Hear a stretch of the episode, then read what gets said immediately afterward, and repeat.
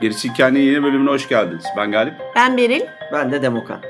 Bu hafta sizlerle Gerisi Hikaye'deki belki en politik konulardan bir tanesini konuşacağız. O da işkence. Neden politik diye hemen giriş yaptım. Ee, aslında konunun kendisi e, ilk gündeme geldiği günden beri politik. Yani real politikayla falan bunun alakası yok. Tamamen bir insanın bir başka insana bir takım kurallara, kaidelere ya da sırtını kurumlara dayanarak kanunlara dayanarak yapmış olduğu en kötü şey, en berbat şey işkence. Ve bunu yaratmış olduğu bir tahribat var. Bu nedenle politik dedim. Arada tar- tartışıp durduğumuz bu elevated horror ya da modern daha duygusal A24 korku filmleri falan gibi şeylerde aslında sıkça işleyebilecekken e, teğet geçmiş olduğu da bir konu işkence. İşkencenin toplumda ya da tarihte e, insanlığın e, zihninde yaratmış olduğu devde bir tahribat var ve İşkence başka hiçbir şeye benzemeden tamamen politik bir kurum. İnsanlar da zaten kullanıyorlar tarz şeyleri ve işkence için nedenler yaratıyorlar. Bu nedenle böyle dedim. Yoksa biz korku tarafındayız. Tabii ki e, her şey politik ve konuşuyoruz yeri geldiğinde ama derdimiz öyle gidip de herhangi bir şey anlatmak, öyle bir manifesto yapmak falan değil.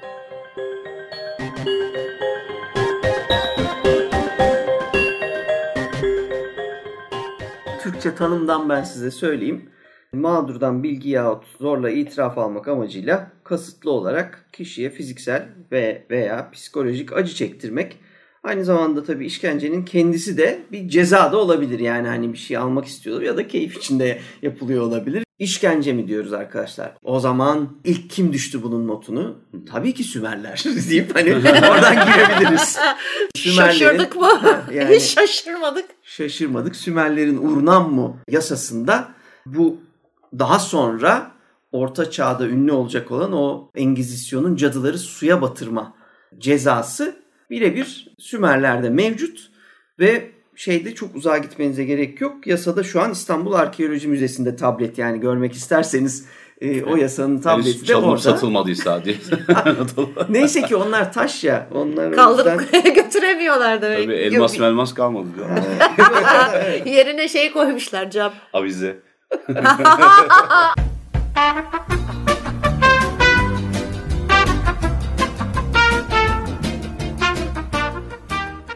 Zaten oradan Hammurabi'ye filan da do, anında e, bir sonraki aşama olarak geçmiştir.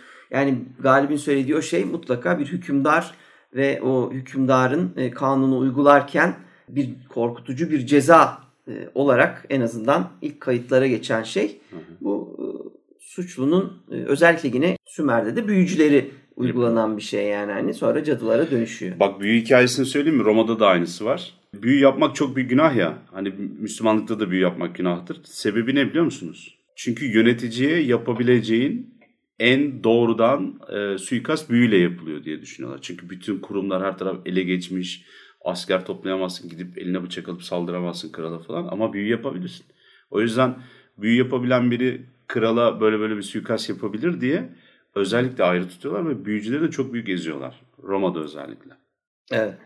Yani işte sonra dediğimiz gibi işte Avrupa'da da o 5 ile 16. yüzyılın arasında kanuni olarak işte bir uygulama olarak da geçiyor. Tabii Engizisyon zaten olayı abartıyor. Cadı avı e, kontrolden çık çıkıyor. Hatta normalleşiyor. Yani öyle günlük olarak ortalıkta insanlar hmm. suçsuz yere yakılmaya başlanıyor.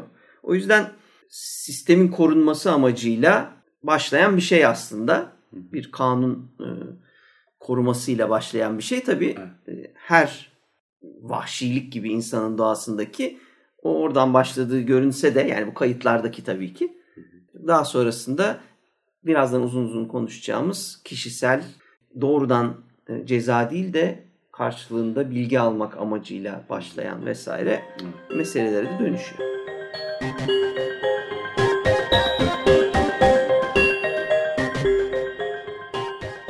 Şimdi yani toparlayacak olursak ben de şöyle bir tanımlayayım.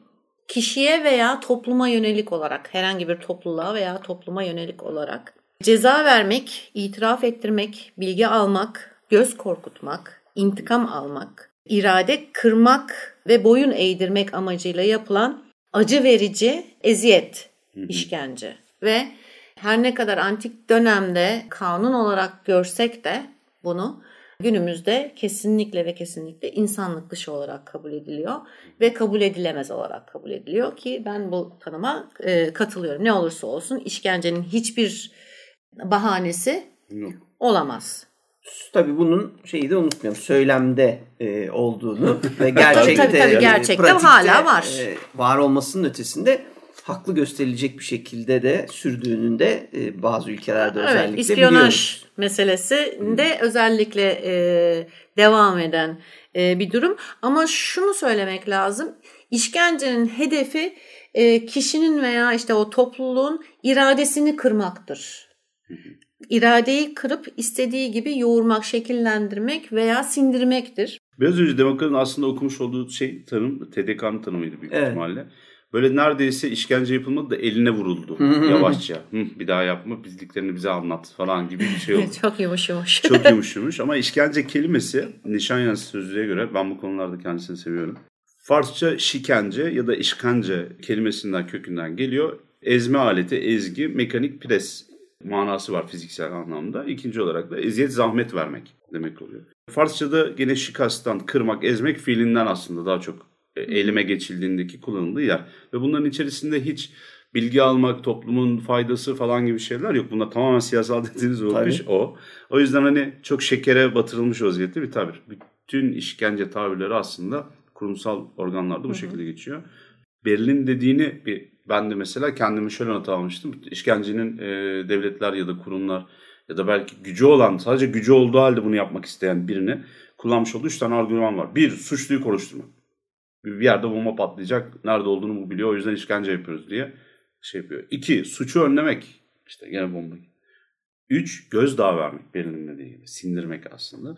Ve bunların hepsi de inanılmaz e, politik argümanlar. Çünkü Aristoteles diyor ki işkence altında alınan ifadeler eğer işimize yarıyorsa kabul etmemiz gereken şeylerdir. Öbür türlü insanlık suçudur diyor.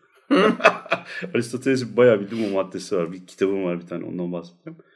Bayağı kanıtların değeri de tamamen perspektifle ilgili. işine yarayıp yaramadı. Yani sana Duymak istediklerini verip vermediğiyle alakalı olan bir şey. kesinlikle öyle. Yani o kadar ikiyüzlü bir işin ortasındayız ki korkunun tam konusu yani. Ee, bunu araştırırken bir tane şeye hmm, araştırmaya rastladım. Psikolojik e, yönüyle e, bakmış işkenceye ve şey yapmışlar tabii araştırma yapmışlar birçok kişinin üzerinde tarih boyunca bir şeye varmışlar sonuca varmışlar vardıkları sonuçta şu işkence Hı hı. ile alınan hiçbir bilgiye güven olmaz. Çünkü kişi Kurtulmak işken- ha, kurtulmak için her şeyi söyleyecektir. Hı hı. Doğru doğru. Çok net bir kural zaten. Net var. şeyi de var çünkü işin içinde acı olduğu için, fiziksel acı olduğu için veya zihinsel acı olduğu için e, hafıza kaybına, e, haf- hafıza bozukluğuna, denge bozukluğuna, düşünce bozukluğuna, hatta ve hatta duyusal bozukluğa sebep olduğundan söylenen şey kişi gerçek diye inansa da e, o bile yani o Evet, söyleyen kişi onun gerçek olduğuna inanabilir ama aslında gerçek bile olmayabilir söylediği şey. Doğru doğru doğru. Sadece hayal ettiği bir şey de olabilir o durumda.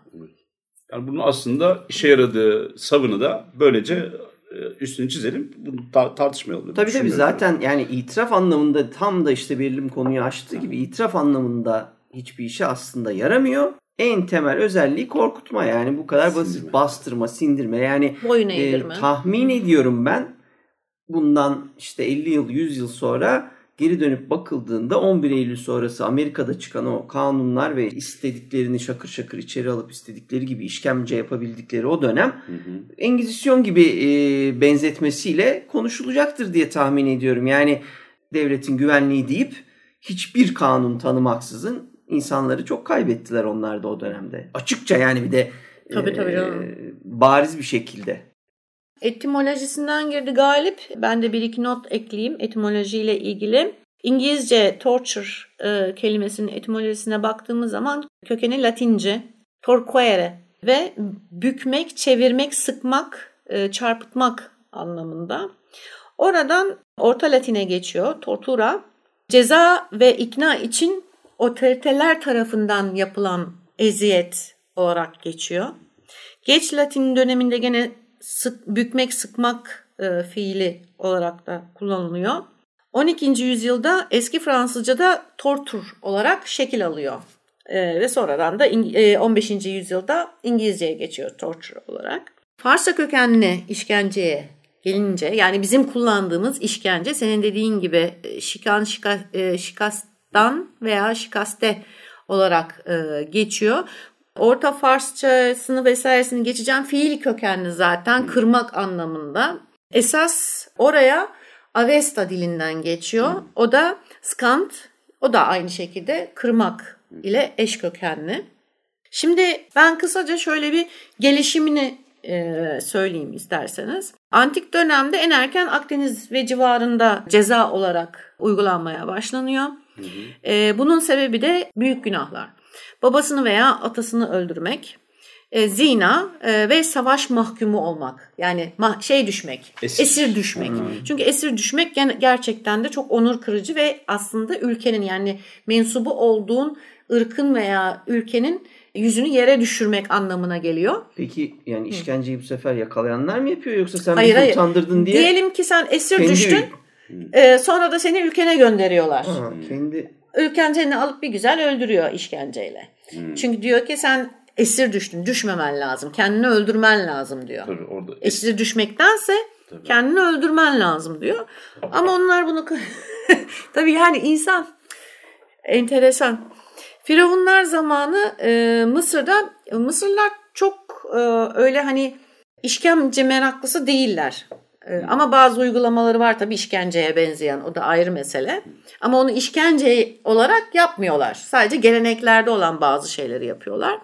Fakat şu var onlar da aynı şekilde affedilmez suçlarda bazı sıra dışı uygulamalar yapıyorlar. Çocuklarını öldüren anne, baba çürüyene kadar çocukları boynlarına asılıyor. Yani çocuğunu öldürmüş.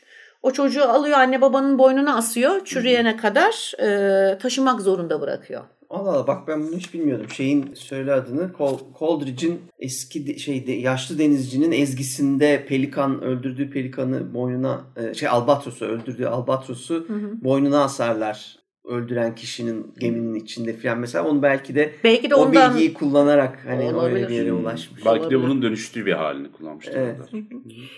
Atalarını öldürenler gene bu ata baba öldürmek gerçekten antik dönemde en büyük günah olarak hala günümüzde de öyle aslında. Yani ebeveyn öldürmek bir kurtulamadık. Veya çocuk yani. öldürmek e, büyük günah. Çünkü ee, ebeveynlerle uğraşıyoruz yüzden 65 yaş üstü bizi yakan şeyler yani neyse. İşte soyulana kadar bir de şöyle bir şey var. Antik dönemde kırbaç çok meşhur. Yani kırba geneli kırbaçlanmak. Babasını öldüreni so derisi soyulana kadar, parça pinçik olana kadar kırbaçlanıyor. Dikenler üzerinde yuvarlanılıyor. Canlıyken ateşe atılıyor. Yani sadece bir tane değil, üç hmm. fazla bir işkence metodu. Güzel. E, dediğim gibi çok büyük bir suç olmadığı zaman kırbaçla kurtuluyor. O da işte mesela üç kırbaç, beş kırbaç. O da suçun hani şeyine göre. Orta Doğu'da işte bu İsa öncesi 2000-1720 civarlarında falaka cezası hmm. oldukça görülüyor. Bu arada burada enteresan bir şey var Orta Doğu'da. Eğer gündüz işlersen cezayı ne ala, gece işleyecek olursan alacağın cezanın iki katını alıyorsun. Taksi uygulaması gibi yani. ha, evet işte şey gece uygulaması var. Gece tarifesi var. Gece tarifesi. İşkencede gece tarifesi. Hakikaten ha. Eğer valiyi falan tanıyorsan araya gündüz açtırabiliyormuşsun falan. Ya. Şakası bir yana tabii gene ölçüsüzlük bu. Asimetrik yani. toplum yapısı bu da yani. Şimdi o taraflarda cezaların yani işkencenin bir çeşit e, şey olma durumu, kanun olma durumu Hammurabi ile birlikte geliyor senin söylediğin gibi. Ve e, onun da şeyi dişe diş. Yani sen birinin burnunu kestiysen o da şey e, ceza olarak burnun kesil, kesiliyor veya işte diyelim ki organlarını çıkardın geliyor senin organlarını çıkarıyor ama mesela değişmeyen bir ceza var. Doktor hastasına zarar verecek olursa elleri kesiliyor. Bu doktorlar ne çekmiş arkadaş mi? Evet. bir de Hammurabi kanunlarının herkese işlemediğini de söyleyelim. Şimdi millete böyle çok kısas mısas diyorlar da öyle kral var, naip Onları kimsenin eli ayağı kesildiği, gözünün oyulduğu falan yok. Bunlar sıradan halkın gözünü boyamak için. Türkiye'de de şu an bile Şimdi var ya. şöyle bir şey var ama orada Kısas bir not yapalım düşün. falan diyorlar. Lan ne kısas yapacaksın? Sen, sana düşmez kısas zaten. Sen komşunla aranda bir şey olacağını zannediyorsun. Hammurabi döneminde yok. Tabii kendi kraliyet ailesinden şey yapmıyorum ama mesela e, zenginler, tüccarlar, şeyler, e, noble'lar falan e, yani e, Soylular soylular falan filan da alıyor bayağı nasibini. Ayrı konu. Onlar ibret olsun diye. Toplumu bir arada tutmak. ötesinde kar vardır ya arkadaşlar. Orada onu işte birini işten yani hani o birinin ticaretini azaltıp Kral öbüründen çökecek. pay Ha, e, alacaktır. tabii denge yani kuracaktır. Yani şeyin dengesini kuracaktır. Güçler dengesini. rüşvetinin dengesini Tabii. kuracaktır diyorum ben yani. evet evet. Yani hiç o yüzden şey yapmasınlar. Hak- Yani dünya o kadar evet, evet, bir yani şey yok. adalet madalet diye bir şey Hikaye. yok yani. Özellikle antişadı için. Bunların en az azılısı Arsuz döneminde Aşurbanipal. Hmm. O da yakalanan düşman askerlerini parça parça ediyor. Parçalara ayırıyor ve şey onlardan piramit kuruyor. Aha, kelle kule mesela. Kelle Osmanlı'da kule. Ha, aynen öyle. Bir de Timur'da vardı değil mi? Timur yaparmış. Tabii, tabii. Evet, Yani işgal ettiği yerde terör. çocukları e, ateşe atılırmış. Yetişkinler de kör edilip canlı canlı derileri yüzülürmüş gibi bir takım ayrıntılar e, verilmiş. Bazı savaşlar ayrı ayrı yerlerde olmuş vakalar bunlar. Yani bazısının gerçekten derisini yüzdürüyor ibret için. Çocuklarını alıyor, satıyor, öldürtüyor falan. Bunların hepsi ayrı ayrı yaşanmış bu arada. Asurlar şöyle akşam yemeğine kalmak isteyeceğiniz adamlar değil yani.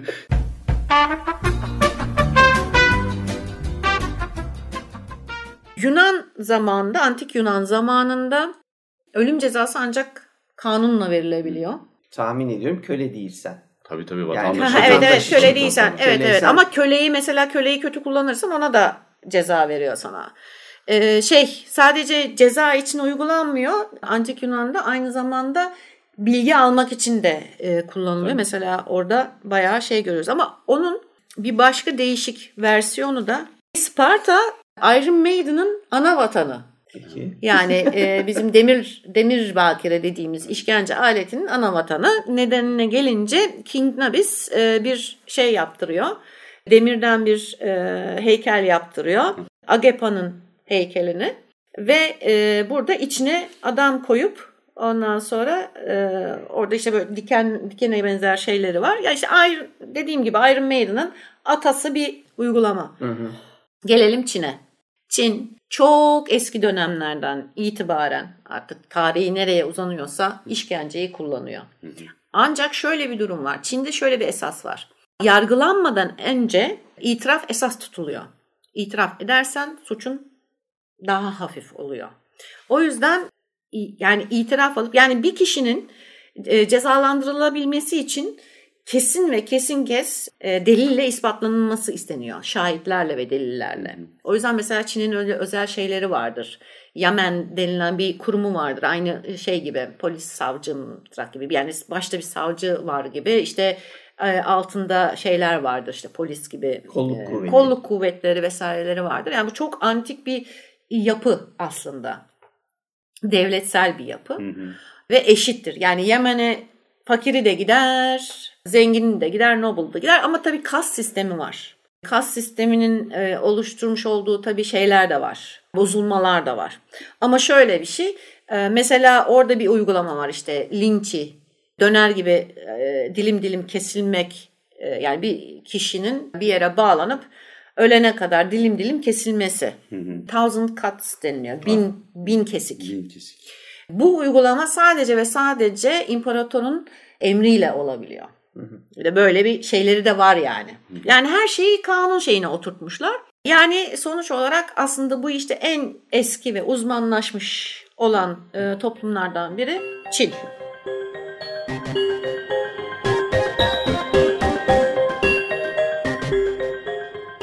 Belin'in bu anlatmış olduğu kısım bana sorarsanız işkenceyle cezanın birbirine girdiği alanlar daha çok. Tabii Çünkü tabii. Hı hı.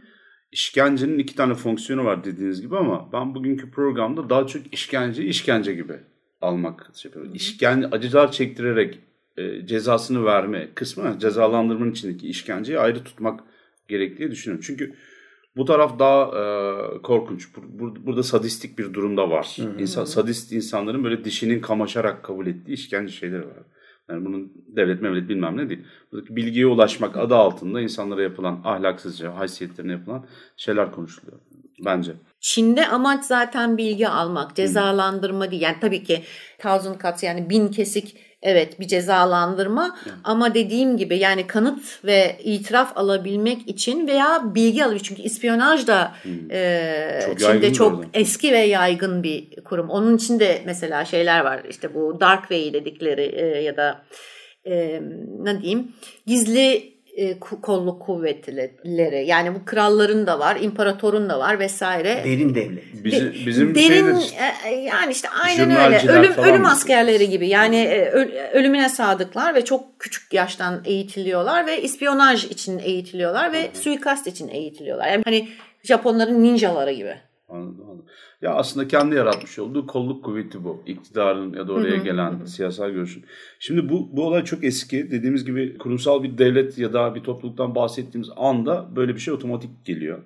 Elimizdeki kaynakların birçoğu e, hadi Sümer'de falan o kadar e, doğrudan sokaktaki insan ya da tarlada çalışan insan değil de kurumsal bilgiler, tabletler elimizde olduğu için aslında o yaşantıya ne kadar yansıyor bu bunu bilmiyoruz. Yoksa birincisi tanrılara, ikincisi krala, e, üçüncüsü din adamlarına ya da askerlere bir karşı bir şey söylemek. Ondan sonra hani onlara itiraz etmek, karşı gelmek. Ondan sonra savaştan kaçmak gibi durumlar inanılmaz derecede sert e, cezalandırılıyor. Bütün antik çağda öyle. Hatta şey falan vardı gene Urnamur'un falan içerisinde olabilir. O dönemin e, krallarından bir tanesi öteki dünyaya gittiğinde yanına verilen şeylerden e, hediyelikler var işte öbür dünyaya geçtiğinizde Utus amaçla e, işte eşi galiba kapıda duruyorlar öteki dünyanın kapısında. Onlara bir takım hediyeler verip gönlüne ediyorsun ki seni içeri alsınlar. Mezara konulan o sunular ölümden, Rüşvet veriyorsun tabii, yani. tabii, ölümden geri döndüğü zaman kullan diye yapılan şeyler değil. Orada krala ver, tanrıya ver, Gılgamış'a ver şeklinde gidiyor. Böyle böyle böyle kendine yer alan sahip oluyorsun. Neyse e, kralın da bu bilgiyi nereden aldığını bilmiyorum orada geri kalan Sümerlilerin ama anladınız. E, kralın da orada iyi bir geçiş yaşadığını işte tanrılara falan sunuları verip ödülleri, hediyelerini, armağanlarını verip geçtiğini en son Gılgamış'la da karşılaştığını ona da hediyeyi verince Utu'nun ona e, şey dediğini hadi sen de yargıçların yargıcı ol Gılgamış atanla beraber diye sandalye, yer, koltuk gösterdiğini anlatıyorlar. O da orada oturup ilk neyi yargılıyor biliyor musunuz? Savaştan kaçan hainleri yargılıyor. Çünkü vatana en büyük ihanet bu falan diyorlar. Yani savaşı kim çıkartmış, Gılgamış'ın keyfine göre mi olmuş falan bunlar hiç tartışmıyor. O yüzden bunun bir altını çizmek lazım. Yani bu işkence falan çok resmi ağızlardan konuşuyoruz. Bugün yerle eksen edeceğiz ama onu Engizisyon'da falan. İkincisi e, çok eski bir şey dedik. Mısır'da mesela e, milattan önce 1300'de kalma bir tane şey var. Bir şair Hitit Mısır Savaşı döneminde ele geçirilen Hititli askerleri Mısır kralının yani 2. Ramses'in yaptığı işkenceyi anlatıyor. Onlardan bilgi almak için. Çok zorluyor onlar. Hatta kafalar gözler kopuyor bilmem ne. Yunan'da da amaç çok belli. Metodik de kullanılıyor. Kölelere işkence edebiliyorlar. Hatta e, yani işkencecinin kendi seçme kuralı falan var. Özgür bir vatandaşa bir suç istinat edilmiş. İtiraf da etmiyor. O halde işkence yapacağız. Sana kim işkence etsin diye gidip en dürüst kim, en kimin eli hafif.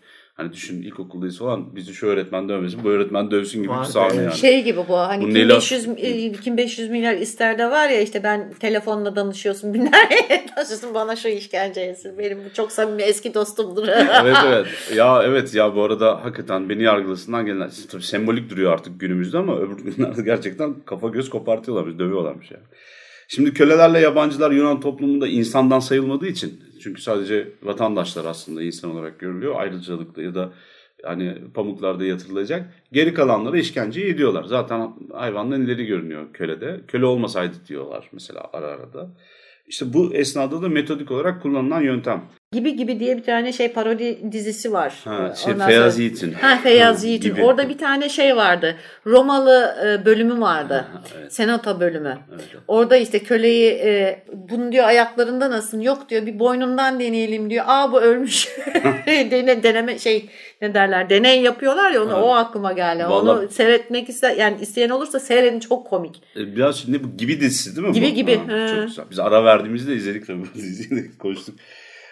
Devam olarak söylüyorum. Mesela bu bilgi işkence suretiyle elde edilen bilgi ifade güvenilir de değil. Dediğim gibi biraz önce araya girip söyledim. Aristoteles'in şeyi var. Eğer iyiliğimiz için olacaksa önemini istediğimiz kadar abartarak onun tek gerçek kanıt olduğunu iddia edebiliriz. Ama bizim yararımıza değil de düşmanımızın yararınaysa işkencenin her türlüsü hakkındaki gerçeği söyleyerek kanıtın değerini yok edebiliriz. Bu kadar da dürüstler yani. Yani, yani iki yüzlülüğün zirvesi bir açıklama e, okumak istiyorsanız. Yani hani... işte e, bir sürü yerde geçiyor Atina'da ya da antik Yunan'da köle ya da pardon işkence konusu sadece kölelere yapılmıyor tabii. Şimdi gene başka bir tane oyunda aynı şekilde bir alan var. Atinalı kölelerin maruz kaldığı şey Aristofanes'in kurbağaları. Kurbağalar oyunu, Traitlis'i. Herkül, Dionysos ve Xanthus e, şey yapıyor işte kölesiymiş gibi davranarak yeraltı gidiyorlar ve o esnada da Ayakus bu ikiliyle mücadele ediyor Dionysos ve Herakles'le. Xanthus da işkence yapması için kölesini sunuyor. Ayakus da ona nasıl işkence edeyim diye soruyor bir karakter. Xanthus da her şekilde merdivene bağlayarak, askıya asarak, kırbaçlayarak, sopayla döverek, gererek ve daha da ileri gitmek istersen bunun diliklerinden sirke dökebilir, üzerine tuğla yayabilir ve daha ne istersen her şeyi yapabilirsin falan gibi. Çok yaygın. Paspas etmişler adam. Ay tövbe estağfurullah. Sayıyor yani böyle tamam o kadar e, şey çeşit, ki. Çeşit Sıradan bir olay ki yani vakayı restoran adiye menü, yani. Restoran menüsü gibi. Ha, seçme serpme yapayım mı diyor böyle adamı serpmişler. serpme serpme işkence. Ay tövbe. Bu Agepa hikayesi güzel. Agepa evet. aslında karısıymış şeyin. Evet. Ee, nedir Sparta tiranı kralı Nabis'in. Ee, ve o da dikenli bir kadın, karısının dikenli bir suretini yapmış. Artık hmm. oradaki kendi aralarında nasıl bir şaka dönüyorsa neden bana sarılmıyorsun Nabis falan. Yavrum. Ya sarılayım da dikenlerim var diyor böyle. Gülü sever dikenle kalktıdır diyeceğim şimdi.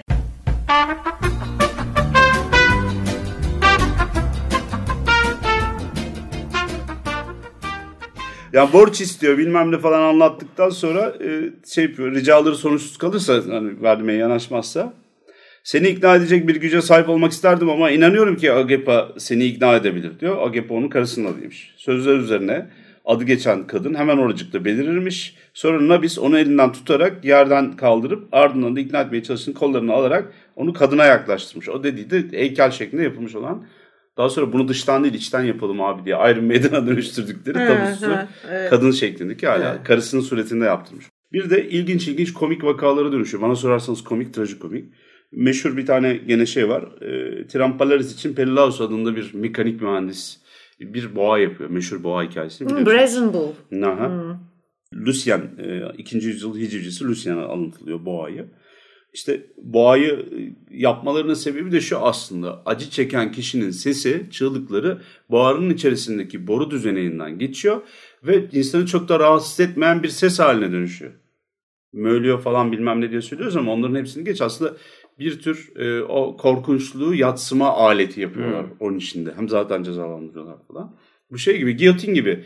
Daha sonra işte bu 18. yüzyılın sonunda icat edilen işte insanları çok hızlı öldürüp hiç acı çektirmeme aleti. İşte ne Guillotine. Louis Guillotine galiba Doktor Louis Guillotine'in buldu. Hatta 6-7 tane versiyonu var onları denemiş adam. Hı hı. Bu yeterince hızlı öldürmedi. Acaba daha hızlı nasıl yapabilirim falan diye. Bu, Bu arada kelleler uçuyor tabii. Bronz boğa da aslında daha sonra geliştiriyorlar onu. Sadece o hani çığlıkların güzel çıkması meselesinden artık işi pişirmeye kadar götürüyorlar. E, tabii. Adam şey içini boş boş yapıyorlar. Adamı koyuyorlar boğanın içine, Hı. bronz boğanın içine. Kapıyorlar üzerine. Altından ateşi veriyorlar. Orada Hı. pişiyor. Tabii, tabii. Çığlıkları da çıkarken öyle güzel ses olarak Evet çıkıyor. evet tam onu söylüyorum. Ve adam da tabii Lucian'da durur mu falan hicivciye yapıştırmış lafı diye bağlayacağım şey diye söylüyor. Aa madem böyle bir şey hadi deneyelim falan. İlk önce bizim mühendis de uyanmıyor tabii. Giriyor içinde bak diyor hünkârım buradan gireceğim, buradan kapatacaksın. Adamı buraya koyacaksın. Buradan kebap edersin. Sesler buradan ayar, akordu burada falan. Ondan sonra ay peki falan veriyorlar. Alttan ateşi ondan sonra kendisine de ilk kurbanı oluyor. Tiran'ın da namı yürümüş. Daha sonra e, Roma tarafı böyle bir sürü örnek var burada antik Yunan'da. İncelemek isteyenler gene bir, bir göz atabilirler. Kitapları falan paylaşırız. Roma'da bu sefer artık imparatorlar döneminde olduğumuzu e, düşünün. Çok daha vahşicesi var artık bunun. Çünkü e, devlet, din ve bütün artık toplak, hakimiyet, hükümdarlık tek bir kişinin elinde. İmparatorların elinde. Ve genelde de kapının elinde kalıyor. Hı. Güç ile alınıp veriliyor. Öyle kılıç zoruyla. Hı hı. Ve işte İmparator e, Tiberius mesela bu konuda iyi. Ya da Caligula zaten efsane Caligula zaten o Marco Sade'dan önceki e, birinci sadist. Ya işte aslında bütün hadise şu arkadaşlar. Kimse durdurmuyor bu adamları. Yapabildiği sonsuza kadar gittiği için o da artık yaratıcı olmaya başladı. Yani işkence yöntemi olarak.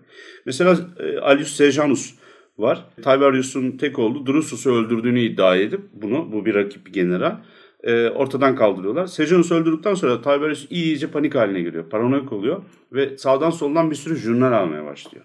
Cimer'e yazılmaya başlıyor falan. Hı? Bu çok yaygın bir uygulama bu arada. Asur'da da vardı büyük ihtimalle. Sümer'de de var.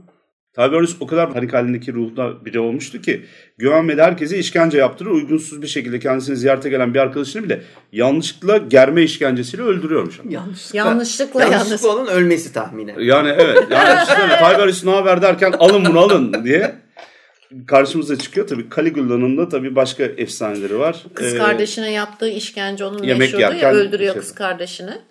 Neler neler. Bin kesiği. Bu da duymuş herhalde. Abi böyle bir yöntem var. Bir gün deneyelim mi? Elimizde de bir sürü şey var derken. işte Hristiyan Hristiyan'ın da var galiba o dönemde. Neyse işin özü ama sadistin dişini kamaştıracak bir e, vaka haline geliyor ve bu mevzu bir yerden sonra gücü elinde bulun, bulunduranın evet. mazluma yani karşılık veremeyecek olan kişiye karşı gücünü denediği, sınırları denediği bir zevk haline geliyor. O bir hazza dönüşüyor. Ve bunun ne bilgi almak, ne işte cezalandırmak, ne ülkeyi, devletin bekası ha, hiç kesinlikle umurunda değil yani bu söyleyeyim. Zaten bu işkencelerin kişisel olarak yapan kişiye büyük bir rahatsızlık verse hani o kişi onu devam etmez zaten. Onu büyük ihtimalle zaten hep o şeyden seçiliyordu. Yani e, bunu yapabilecek olan karakteri işte ruhani durumu gece yatıp bunu yaptıktan sonra uyuyabilecek olan adamlar e, bu işe devam ettiriliyordu. E, ama bir noktadan sonra iftira atmalar vesaireler sonucunda bu suçsuz olduğu halde işin tamamen artık bilgi kisvesi altında tamamen cezaya döndüğü evet. toplumsal olarak ceza görünüyor. Tarihe biz bundan bilgi almak istiyorduk diye not düşülüyor. Aynı zamanda da kardinal bilmem kim filan böyle zevkten uçuyor bunları seyrederken ya da kendisi yaparken ya da yaptırırken ya da öce al, almış oluyor birilerinden o şekilde kullanıyordu.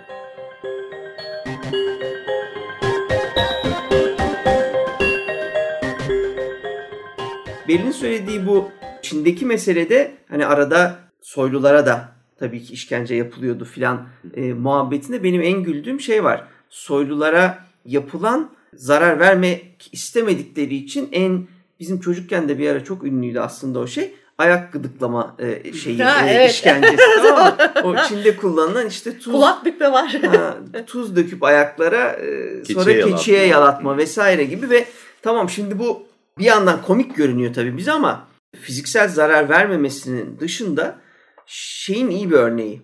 İnsanın zevk abartılırsa keyifli bir şeyin dahi işkenceye dönebileceği, insan psikolojisinin bunu kaldıramayacağını gösteren çok iyi bir uygulama. Yani gereğinden fazla gıdıklanırsan bunun e, acıya dönüşeceği ama karşılığında bir zarar görmeyecek olman tabii bu öğrenilen ve sonra kullanılan bir şey. Yani yine Çin işkencesi diye çok moda olan işte hani kafasına bir damla su yavaş yavaş su damlarda hep aynı noktaya bağlanmış bir kişinin mesela onun da bir noktadan sonra insanı çıldırtması meselesi hiçbir zarar verme ihtimali yok. Fakat yeterince süre aynı noktaya damlatırsan suyu müthiş bir psikolojik işkenceye dönüşüyor. Hemen bir ekleme yapayım. Aslında o su işkencesinin bir başka versiyonu var. Bu işin içine asit giriyor. Şimdi diyelim ki 15 damla suysa arada bir tane asit şey yapıyorlar, karıştırıyorlar. Böylelikle e, mahkum veya artık işkenceyi gören kimse o e, şeyi beklemeye başlıyor. Asit damlasını beklemeye başlıyor. Aslında şeyi kıran başka türlü bir ha, yöntem. Dönüyor. Evet. Bununla ilgili bu şeyle ilgili ilginç bir bilgi çok alakasız ama dikkatimi çekti ve hoşuma gitti aslında o bilgi. O yüzden onu da paylaşmak istedim. Yani bunun kullanılıp kullanılmadığını bilmiyorum ama bugün kullanılabilirmiş gibi göründü bana.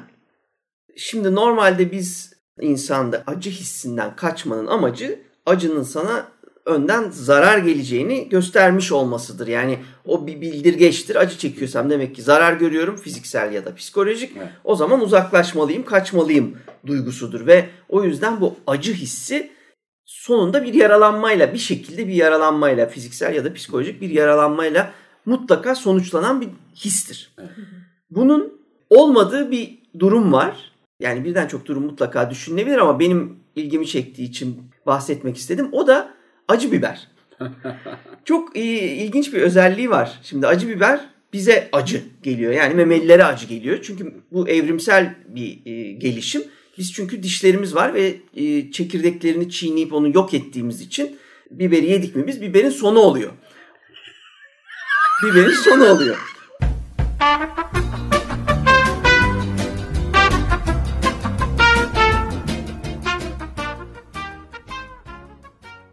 Oysa e, kuşlar mesela hissetmiyorlar. Kuşların biberlerle olan ilişkisi çok iyi. Biberle, biber onlara acı gelmiyor. Çünkü onlar şeyi öğütmedikleri için yiyorlar. Sonra uzakta bir yerlere o tohumun düşmesini de sağladıkları için kuşların yemesi için evrilmiş. İnsanların ve işte memelilerin de yememesi için evrilmiş.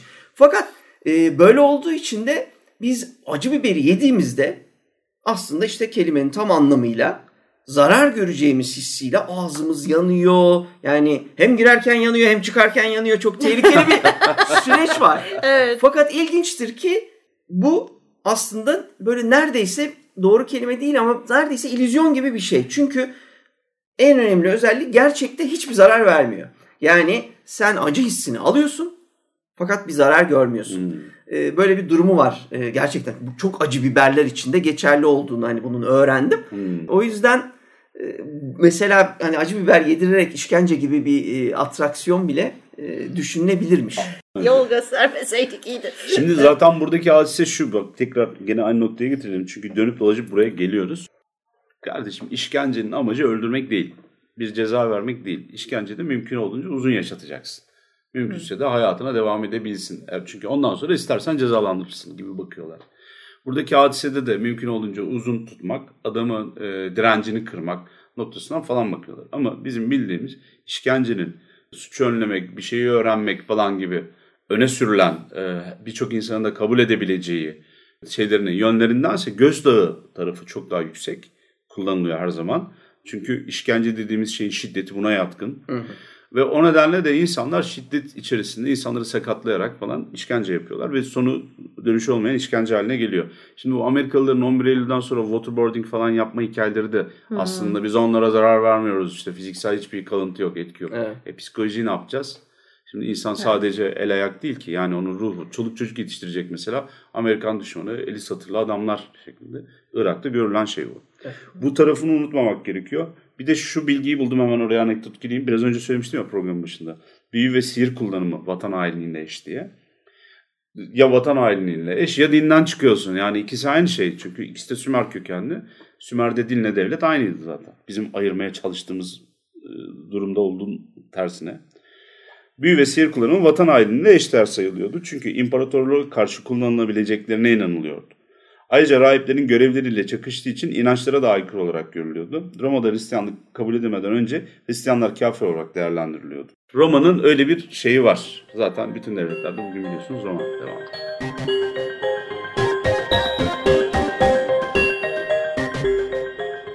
Şimdi senin söylediğine bu büyü vesaire e, hikayesini özellikle gene Çin'den gireceğim. Çin'de büyü çok büyük suçlardan bir tanesi sayılıyor. Senin dediğin gibi özellikle kraliyet ailesine, soylulara karşı işlenmiş en büyük suçlardan bir tanesi olarak kabul ediyor. Bunlardan en güzel örneklerden bir tanesi Tang zamanında İmparatoriçe Wu Zetian var. 683 civarı cari olarak giriyor şeye saraya ve yüksele yüksele yüksele en sonunda ilk imparator ölüyor. Daha sonra işte e, onun oğluyla evleniyor 9. prensle.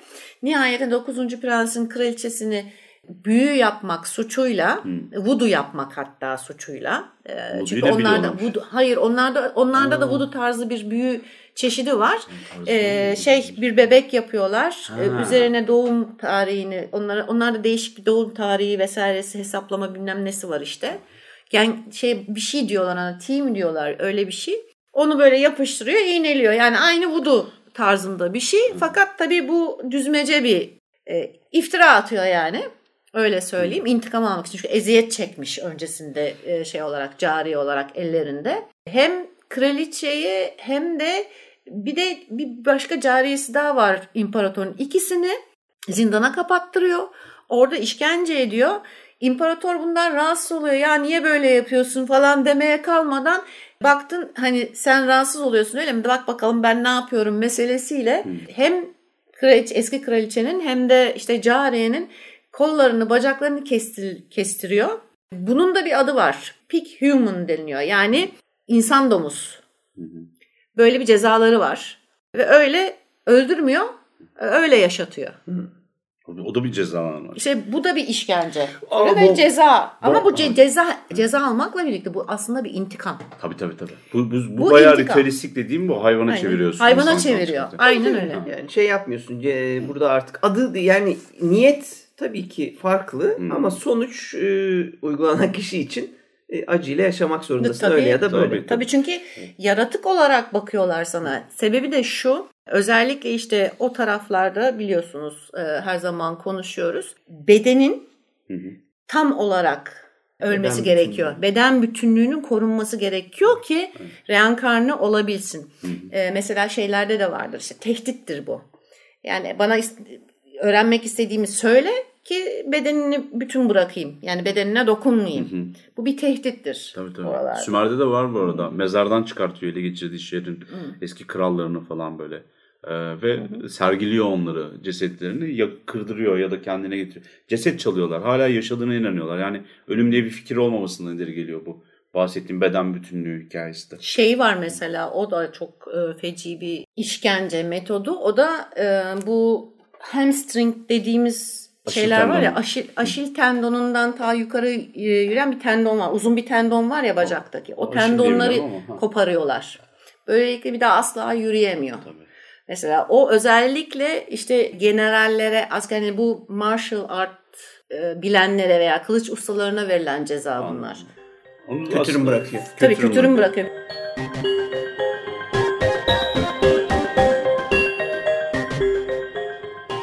Bir tane komik komik değil de böyle değişik geldiği için söyleyeceğim bir şey daha var. Roma'da cezalandırma yöntemi olarak işkence çok yaygın. Bunun sonucunda da ceza olarak öncelikle sürgün ve ölüm cezası veriliyor. Vatandaşların kendine borcu olan kişileri paralarını alana kadar özel hapislerde hapsetmelerine işkence yapmalarına izin veriyorlar. Yani böyle vakalar da var. Aslında bayağı bildiğin gayrimeşru Roma'da meşruymuş bunu anlıyoruz. İkincisi de Old Boy diye not almışım. Bayağı bildiğin özel hapishanelerden bahsediyorlar yani. Evet bu şey de var bir de mesela böyle özel isimli bir tane şey gördüydüm ben. En çok Game of Thrones'da moda oldu. Çoğunluğun hani e, gördüğü tabii bunu bir işkence olarak değil direkt öldürmek için kullanmışlardı ama o kafasına altın e, döküyorlardı Aa, ya. evet, Ağzına evet, evet, altın şey- bir taç istiyordun Tabii. diye. Bu Hırvat bir isyan liderine gerçekten 1570'lerde yapılmış ve Matija Gubek diye ve ona akkor taç diyorlarmış ve ona yani hemen ölmemesi için de anladığım kadarıyla biraz dozajını da ayarlayarak kafasına e, öyle ısıtılmış e, akkor haline gelmiş e, altın dökerek kafasına o tacı şeyde meydanda bunu sergileyerek e, yapmalarıyla öyle bir şey çıkıyor. E, işkence metodu mesela var adıyla geçiyor. Bu, bu kişinin ben şeyi söyleyeyim pardon araya girdim de Crassus vardır meşhur. Hatta bu Spartaküs dizisinde Spartaküs'ü ordusunu yenen kişi de yine Crassus'tu. Crassus'un başına geliyor. Persler yapıyorlar onu. Ve e, bayağı bildiğin altını eritip ya kafasına döküyorlar ya boğazından aşağı ağzından içeriye döküyorlar. Çünkü senin, senin gözün dön sen paran var diye e, bu kadar şey yapıyorsun diye söylüyorlar. Yani artık gözün doysun e, yediğinle ne bileyim altını yediriyorlar gibi bir şey. Evet. Ondan sonra da kafayı kesip o kafatasının altında kapladıkları kafatasını da geri gönderiyorlar. Hikayesi vardır. Crassus'un bayağı efsanevi bir hikayesi var.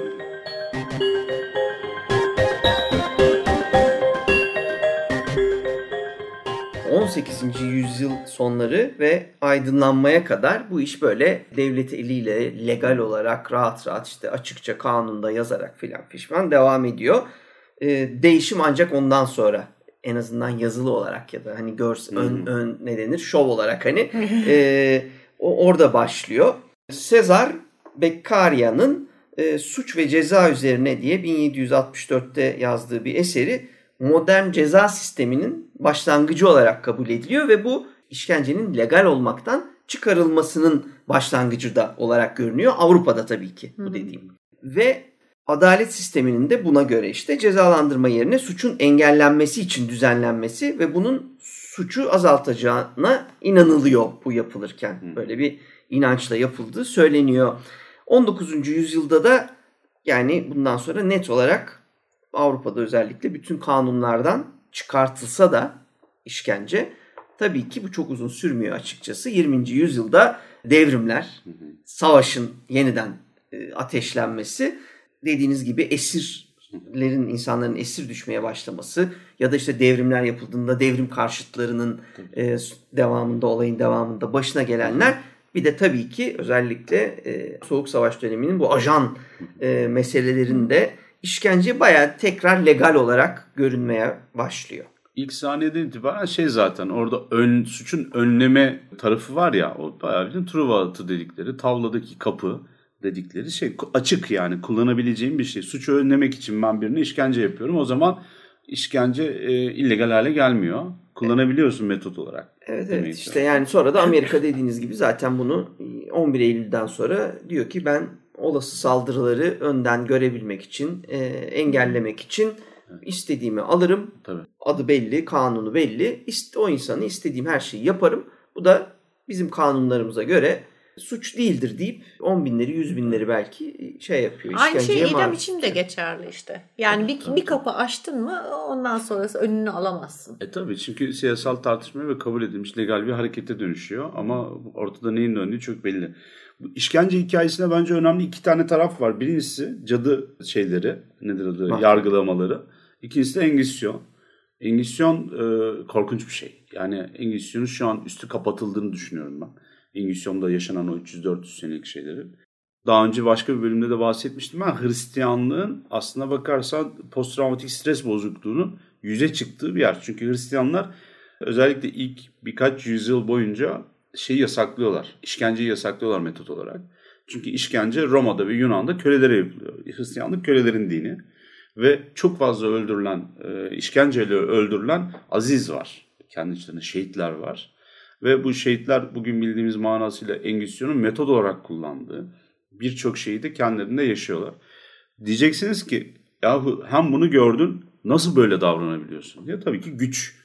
Orada bir yozlaştırma şeyi var. geçirdin. Gücü ele geçirdim o iş bitti. Ama Engizisyon'un bunu nasıl yaptığıyla, hani neden yaptığıyla alakalı olan cevapları benim için çok eğlenceli, komik geliyor çünkü. Diyor ki gerçek diyor kudret getirir. Yani sen eğer haklıysan Tanrı zaten seni koruyacak, yakmayacak diyor. Hazreti İbrahim'i ateşe attı Nemrut. Yakmadı o oradan işte hani e, odun parçalarının ateşin içerisinden yürüdü çıktı ya da orası gül bahçesi oldu. Bence yaş meşeymiş onlar. Vallahi ben e, başka birinin geldiğini düşünüyorum. O David Copperfield var orada eğer bu olay olursa. Yani işkencenin haklı bir kişiye yapılması takdirde bir etki etmeyeceğini öne sürüyorlar. Tabii tabii. Zaten Şehitler. Orta Çağ'da dediğin gibi e, o Sümer'deki şeyin dönüştüğü cadı Evet, tam bu. suya sokma meselesinde Tabii, de yani tabii. eğer kurtulursa cadıdır bu sefer yakacağız. Bu olursa ha demek ki cadı değilmiş. Hadi eve gidelim. Hadi o zaman hani Dağılalım. neyse artık hani e, boğmuş bulunduk. Yani aslında hiçbir şeyin değişmediğini görmek gerekiyor. Burada da e, Engizisyon'un da yaptığı bir sürü şey var. Adamlar veliaht prensi İspanya'da belki de en güçlü çağındayken bayağı bildiğin yatağından alıp götürüyorlar. Tek sebebi de söylediği Don Carlos var 23 yaşında. Şey diye söylüyor ya diyor bu bunların yaptığı artık çok oldu diyor. Bir sohbet esnasında bunu dile getirdiği için. 3 ayda falan yargılama falan diyorlar ki hadi sen kraliyettensin. Nasıl işkence görüp e, nedamet getirmek istediğini kendin seç. Çünkü kesin öldürecekler. Yani geldiği hale bak adam e, 16. yüzyıl İspanya'sının e, veliaht prensinden bahsediyoruz. Kendi bileğini keserek intihar ediyor adam. Prensi o şekilde şey yapıyorlar ve yaptıkları e, insanlık dışı hareketin haddi hesabı yok. Bugün Engizisyon deyip geçiyoruz mesela ve bunları sanki e, İspanyollar yapmamış gibi düşünüyoruz. Eski İspanyollar yaptı onu falan diyoruz. Belki de Öyle. bunun üzerine iyi bir bölüm çıkar. Bence bir Engizisyon bölümü şart oldu. Evet evet o tek başına zaten tartışılabilir. Bu arada o senin demin senin dediğin şey şunu getirdi aklıma. E, bu evliyalarda da bizim benzer bir şey hikayeler sen dedin ya demin. E, evet evet ben yerel bir şeyini var, şeyleri- anekdot verdim. Evet e, başına geliyordu filan diye. Bizim evliya hikayelerinde de yanılmıyorsam Karadonlu Can Baba olması lazım. Karadonlu Can Baba seccadesini serer denizin üstüne işte geçer Karadeniz'den yukarı gider Gürcistan civarına orada işte e, şeyler Hristiyanlık o sırada mevcut ve onlara İslam'ı bir şekilde işte e, Aşılayacak. eş aşılayacak Hı. filan böyle öyle bir genel zaten Hidayet ev- evlevi ha, öyle takılırken tabii oranın hükümdarı olaydan rahatsız oluyor. Daha doğrusu oranın rahibi böyle bir şey olduğunu görüyor. Hemen iki- hükümdara şikayet ediyor. O da yakalatıyorlar Can Baba'yı alıyorlar ve şeye diyorlar ki hani sen böyle böyle işte din karşıtlığı yapıyorsun filan böyle. Biz diyorlar seni o zaman kazana koyup kaynatacağız. Kazana koyuyorlar. Kazanı güzel kapatıyorlar üstünü mühürlüyorlar. Altında 3 gün 3 gece pişiriyorlar güzel. Ondan sonra kapağı açtıklarında Can Baba kalkıyor çıkıyor. Can Baba'ya hiçbir şey olmamış. Bunun üzerine rahip tabii herkes çok şaşırıyor ama ra- rahip diyor ki ya diyor bunun şeyi var diyor. Numarası var diyor. Bu diyor işte çözdü onu diyor. Ben diyor aynı zamanda hani bu Musa'nın asası gibi hani Sihirdir e, diyor. Sihirdir bu diyor. Biz bunu yapar diyor. O yüzden diyor buna inanmayın kralım filan derken orada bir büyük ateş yakmışlar. Bonfire ortada Hmm. o ateş devam ediyor yanmaya. Can Baba diyor ki yani bunun büyü vesaire olmadığını inan bu imanladır diyor. Gel göstereyim sana diyor. Tutuyor şeyi elinden iki Hmm. parmağından tutuyor büyücüyü beraberce çekiyor ateşin içine giriyorlar bu sefer. Biraz sonra işte çığlıklar bilmem ne filan. Biraz sonra Can Baba tekrar çıkıyor ateşin içinden. Elini de açıyor. Elinin içinde iki tane parmak yanmamış. Gerisi yanmış e, rahibin. Amanın neler oldu filan diyorlar. Bir şey olmadı diyor. Yani bana sadece vücudunu verdi. Ruhuyla da gelip bana inansaydı o zaman o da yanmayacaktı. E, işte bu parmaklarda bunun kanıtı bir vesaire gibi bir de bir hikayede vardır böyle vurucu hikayeler Can Baba arasında. bayağı bir Targaryenmiş aslında. Böyle bir güç ile, yetenek ile bütün dünyayı ele geçirmesi lazım öyle söyleyeyim. Evet ejdere ya. mejdere binmesi lazım. Benim adım Cambaz, ateşte yanmaz diye bir laf da vardır. Semendere falan söyler. İslam ikonografisinde, tasavvufta falan çok yaygındır ateşe girmek. Evet.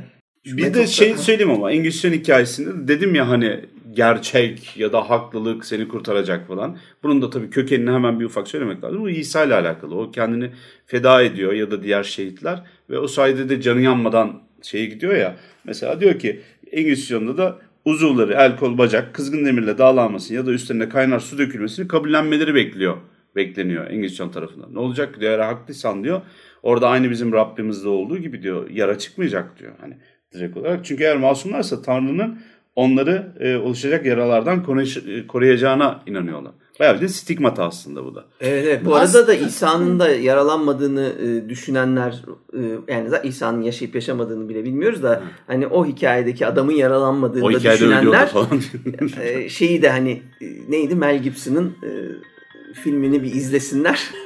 Evet, nasıl Dayanabilirlerse. işkence, evet. Ama işkencesi öyle hafif bir şey değil. Evet, biz bu hafta işkence konuşmaya başladık. Tabii doğal olarak bitiremedik. E, Çünkü işkence öyle kolay bitecek bir konu değil. O yüzden gelecek hafta tekrar konuşmaya devam edeceğiz. Bizi dinlediğiniz için teşekkürler. Görüşmek üzere. Görüşürüz.